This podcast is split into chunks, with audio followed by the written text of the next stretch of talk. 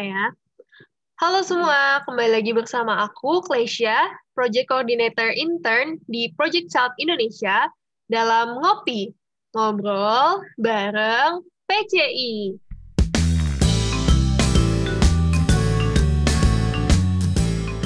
Kali ini topik bahasan kita pastinya bakal insightful banget nih, dan aku ditemani oleh seseorang dengan pekerjaan yang keren dan mungkin sering ditakuti karyawan perusahaan ya. Penasaran nggak sih teman-teman? Yuk langsung aja kita sapa. Halo Kak Fide. Halo Klesya, selamat malam. Malam, seneng banget nih hari ini Kak Fide bisa mampir di podcast Ngopi dan ngobrol-ngobrol bareng aku nih. Nah, gimana nih kabarnya Kak Fide? Wah, baik banget, baik banget hari ini. Oke, nah teman-teman seperti yang udah aku sebutkan tadi, pekerjaan Kak Fide nih sangat krusial nih buat teman-teman yang sedang mencari kerja. Coba dong uh, di-reveal nih Kak, posisi dalam pekerjaan Kakak saat ini. Aku di kantorku ini sebagai, sebenarnya nama posisinya itu People Operations. Nah, cuma mungkin teman-teman familiar dengan HR atau Human Resource. Jadi intinya mengurus orang-orang yang ada di dalam kantor itu. Wih, asik keren banget ya. Nah, mungkin sampai sini teman-teman udah tahu ya kita bakal ngomongin apa ya. Nggak jauh-jauh lah ya dari apa yang biasa dilakukan oleh seorang uh, eh, HR, yaitu tentang serba-serbi CV. Jangan lupa siapin notes-nya dan catat obrolan kita sedetail mungkin, karena bakal insightful banget pastinya. Iya nggak, Kak Vide? Betul sekali. Oke, nah sebelum uh, kita ngulik-ngulik nih dan bahas tuntas tentang serba-serbi CV, sebenarnya ada satu hal yang pengen banget nih aku tanyain ke Kak Fide, karena aku penasaran banget nih Kak.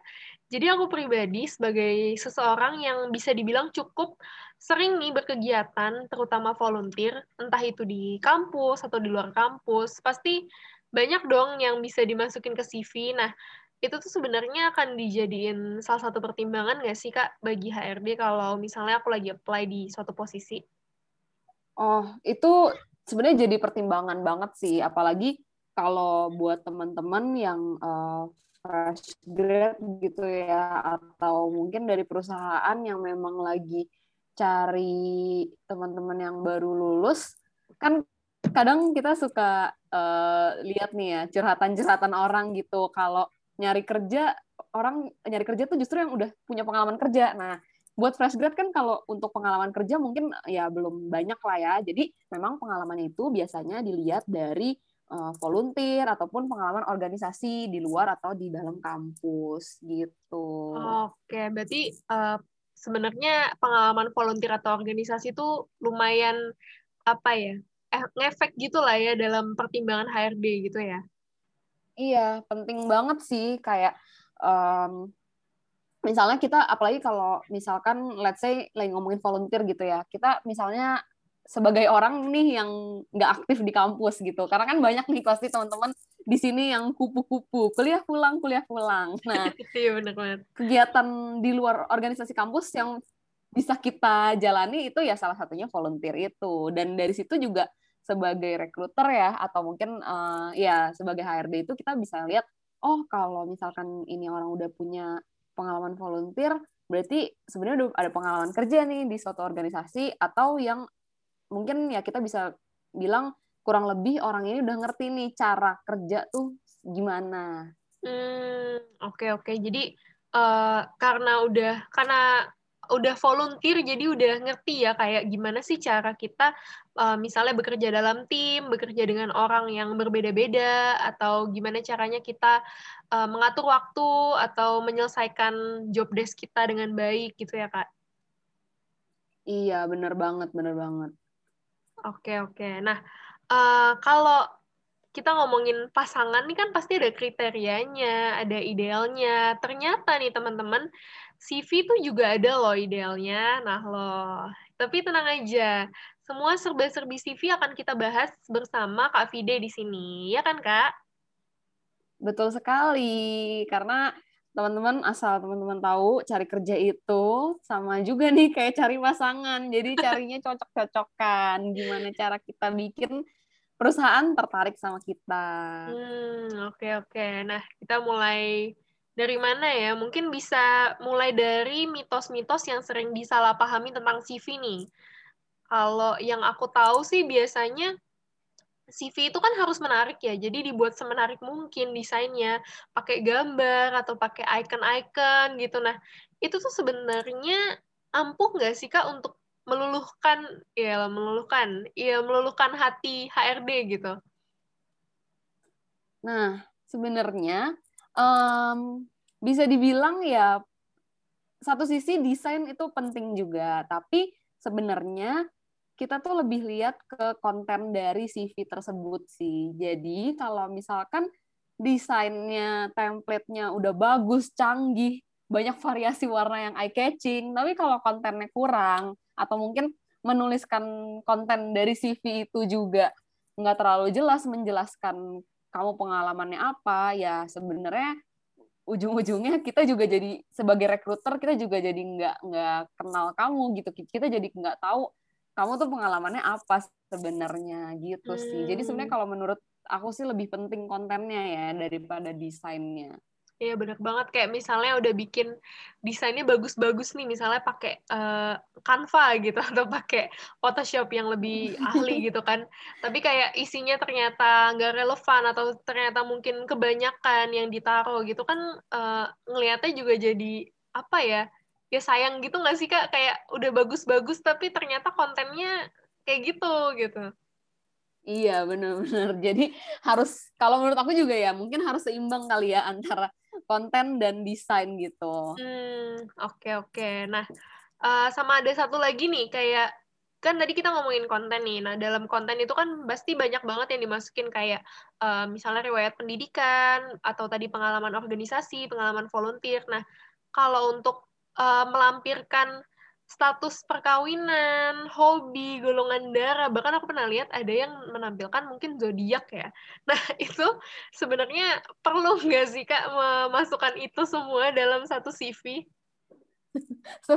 sebenarnya sebenarnya kalau misalkan kayak zodiak gitu atau mungkin sio gitu kayak nggak nggak nggak perlu sih. Karena nggak relevan aja sih kalau menurut aku. Kayak misalkan hmm. even golongan darah atau status perkawinan sama hobi ya sebenarnya uh, yang nggak nggak apa ya nggak terlalu penting lah intinya dimasukin gitu. Cuma balik lagi kalau ternyata misalnya nih di pekerjaan kamu uh, di pekerjaan yang kamu apply ada di requirements-nya atau persyaratannya gitu. Misalnya men uh, uh, ada syarat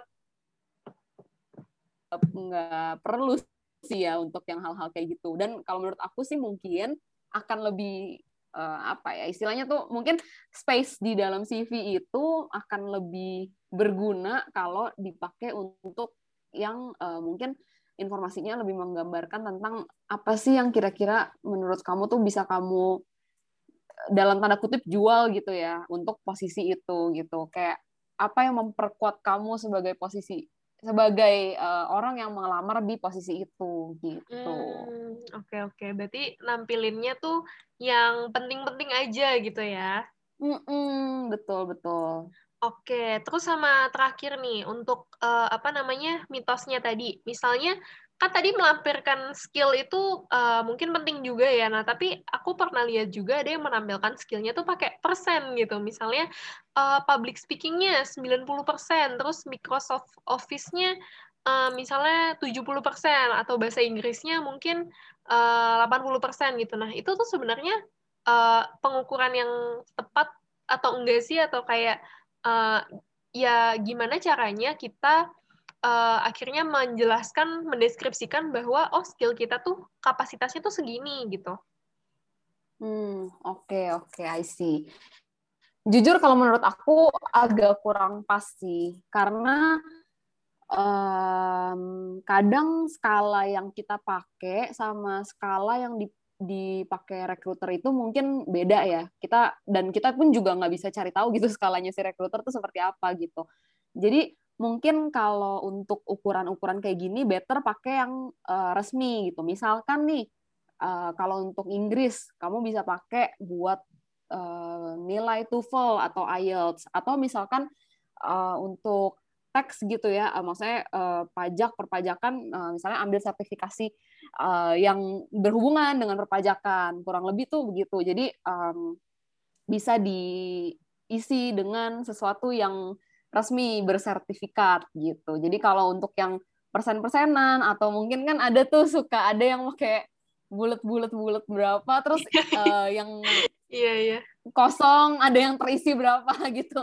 Nah yang kayak gitu-gitu agak kurang relevan aja sih karena yang kita juga nggak nggak tahu gitu maksimalnya dia seberapa maksimal dari kita seberapa gitu. Hmm, oke okay, oke. Okay. berarti pakai kalau emang mau menampilkan apa sih skill atau misalnya kapasitas skillnya seberapa itu better pakai sertifikasi yang resmi gitu ya pengukuran yang memang uh, universal gitu biar si rekruternya itu juga ngerti kayak oh ini tuh segini gitu. Oke, okay. uh, eh, kalau dari Kak Fide sendiri nih sebagai HRD uh, eh, atau rekruter, kayak kesalahan-kesalahan apa sih Kak yang sering Kakak temukan waktu lagi screening CV? Hmm, mungkin kalau misalnya dibilang kesalahan nggak 100% salah, tapi lebih ke kurang kali ya. Jadi kayak mungkin lebih tepatnya kalau bisa lebih detail dan ditambahin akan lebih oke okay nih. Salah satu contohnya itu adalah uh, hanya ditulis posisi kita di di apa namanya mungkin di organisasi atau di perusahaan tertentu gitu ya. Misalkan kita punya pengalaman sebagai business development nih. Nah, business development di setiap perusahaan dan di setiap organisasi itu tuh belum tentu job desk sama gitu.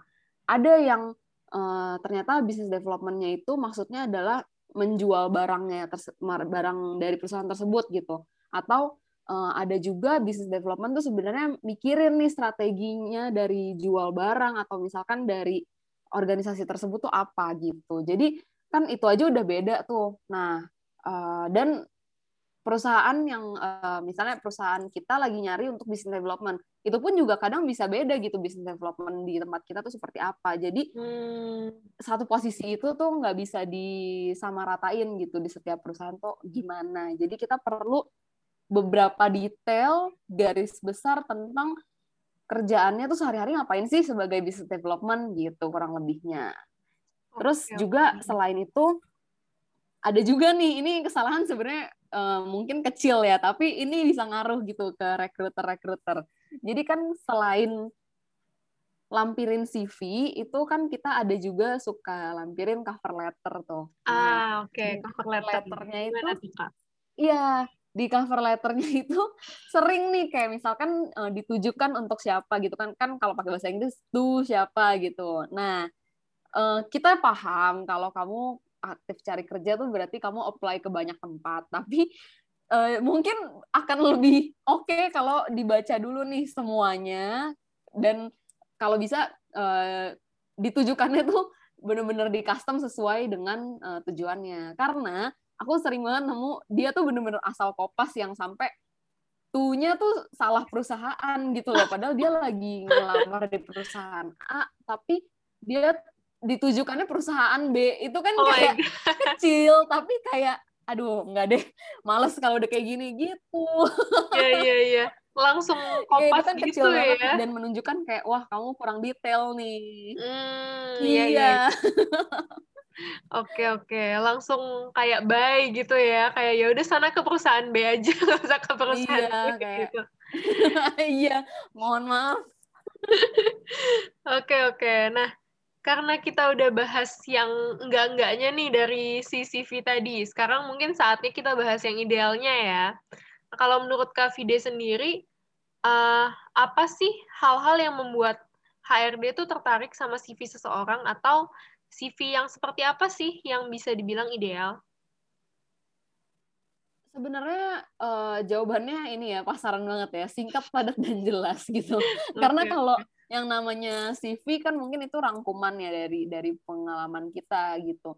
Dan rasanya CV kalau udah tiga lembar tuh kayak namanya bukan CV deh itu kayak cerpen gitu ya. Jadi kalau bisa sih ya mungkin uh, cukup satu atau dua halaman aja itu. Jadi singkat nah padat juga maksudnya adalah um, kita tahu apa yang kita tulis di sana sesuai dengan pengalaman kita. Dan yang sebenarnya um, sebelum kita bikin CV, mungkin kita perlu juga nih kenal sama diri kita sendiri dulu. Kita capable-nya dengan skill yang mana, terus kita juga senangnya ngerjain apa. Jadi istilahnya kita bisa dalam tanda kutip pandailah menjual diri kita gitu ya ke perusahaan supaya perusahaan ataupun organisasi itu uh, bisa lihat wah orang ini nih kayak cocok banget nih untuk posisi ini. Itu yang pertama. Dan yang kedua itu mungkin lebih ke kalau tadi mungkin desainnya nggak usah yang terlalu canggih nggak apa-apa. Yang penting adalah um, warnanya nggak norak itu satu. Norak tuh mungkin uh, definisi norak yang aku maksud mungkin lebih ke warnanya nggak terlalu nabrak gitu ya oh, antara okay, okay. warna satu dengan warna lain. Tapi mungkin gak, ya gak balik gitu lagi. Ya. Iya betul betul. Tapi balik lagi mungkin kalau misalkan uh, ngelamarnya posisinya desain gitu, warna kamu cerah dan mencolok nggak apa-apa asal kamu bisa meng, apa ya merapikannya dengan baik. Enaklah dilihat intinya gitu. Dan juga selain warnanya nggak norak ya template-nya juga rapi gitu. Enak hmm. dibaca. Kayak misalnya uh, mungkin aku bisa infoin kalau recruiter itu nggak hanya satu kali aja baca CV kadang bisa mungkin puluhan sampai ratusan gitu bacain CV sehari. Jadi kayak kalau udah template-nya aja udah nggak rapi misalnya fontnya kegedean atau fontnya kekecilan itu tuh kayak aduh susah nih bacanya udah tar dulu deh gitu. Jadi nggak diprioritasin oh, okay, kalau kayak okay, gitu okay. kan sayang juga intinya Hmm, oke oke. Okay. Dan berarti yang penting tadi kita uh, apa ya mengenali diri kita dulu ya sebelum kita bikin CV dan juga uh, memastikan kalau CV-nya tuh singkat, padat dan jelas apa yang kita capable kita taruh di situ. Pandai-pandailah dalam tanda kutip menjual diri kita dan menampilkan versi terbaik dari diri kita gitu ya kak ya.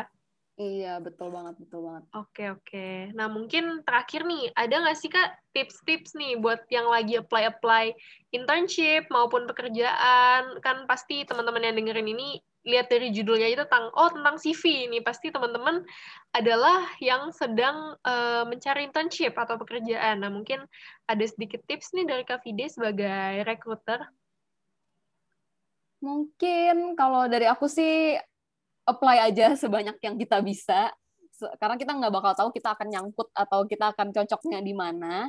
Dan yang pasti kalau misalkan uh, udah banyak tapi ternyata kok nggak lolos lolos satupun mungkin kita mesti cari lagi nih. Kita uh, mungkin CV kita ada yang perlu dibenerin karena rekruter mungkin nggak ngerti apa yang kita tulis di sana. Jadi ya banyak-banyak belajar. Kalau misalkan ada temen yang berpengalaman ditanya aja, jangan malu-malu. Karena uh, tempat belajar ya sebenarnya nggak hanya di kampus di sekolah tapi di YouTube bisa di podcast ini juga mungkin bisa gitu. iya benar banget. Ya kayak kita nggak bakal tahu ya kalau kita nggak nyoba ya. Iya betul. Oke, nah wah tadi uh, ngobrol ini kita udah panjang banget nih ya kayaknya awalnya dari kita ngomongin tentang uh, volunteer di mata HRD itu gimana? Yang ternyata tuh uh, sebenarnya kegiatan volunteer tuh penting juga untuk uh, HRD tahu kalau oh kita tuh udah pernah loh uh, punya pengalaman uh, ya semacam bekerja dengan uh, orang lain uh, terus bagaimana kita mengatur pekerjaan kita. Nah, terus juga tadi kita udah ngomongin tentang CV, kayak mitos-mitos yang ada tentang CV yang di, harusnya dihindari, dan CV yang ideal itu seperti apa, which is yang singkat, padat, dan jelas. Gitu, teman-teman. Nah, aku mau bilang uh, thank you juga nih untuk Kak Fide yang udah uh, menemani ngobrol malam ini eh ya maksudnya kali ini. Karena ini malam ya recordingnya. Iya. maksudnya kali ini di podcast ini uh, apa namanya dan udah insightful banget uh, untuk apa namanya ngomongin CV dan sebagainya. Thank you banget Kak Fide yang udah menyempatkan waktunya dan semoga uh, podcast ini bisa berguna ya buat teman-teman yang mungkin lagi uh, lagi mau memperbaiki CV-nya, lagi mau apply-apply internship maupun pekerjaan. Semoga teman-teman juga bisa diterima di pekerjaan yang paling cocok di company yang uh, ya di tempat yang cocok lah sama teman-teman gitu. Mungkin dari GVD ada closing statement nih, Kak. Semua doa-doa baiknya diaminin.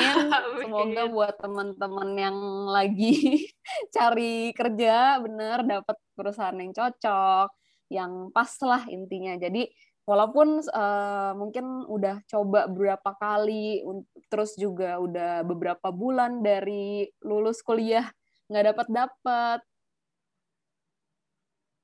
nggak apa-apa, tetap harus dicoba ya. Semangatnya jangan redup dulu. Harus banyak belajar juga, cari-cari insight dari sana sini. Ya udah semangat ya teman-teman pokoknya. Oke deh, thank you Kak Fide untuk obrolan kita. Nah, sampai jumpa teman-teman di podcast Ngopi berikutnya. Dadah.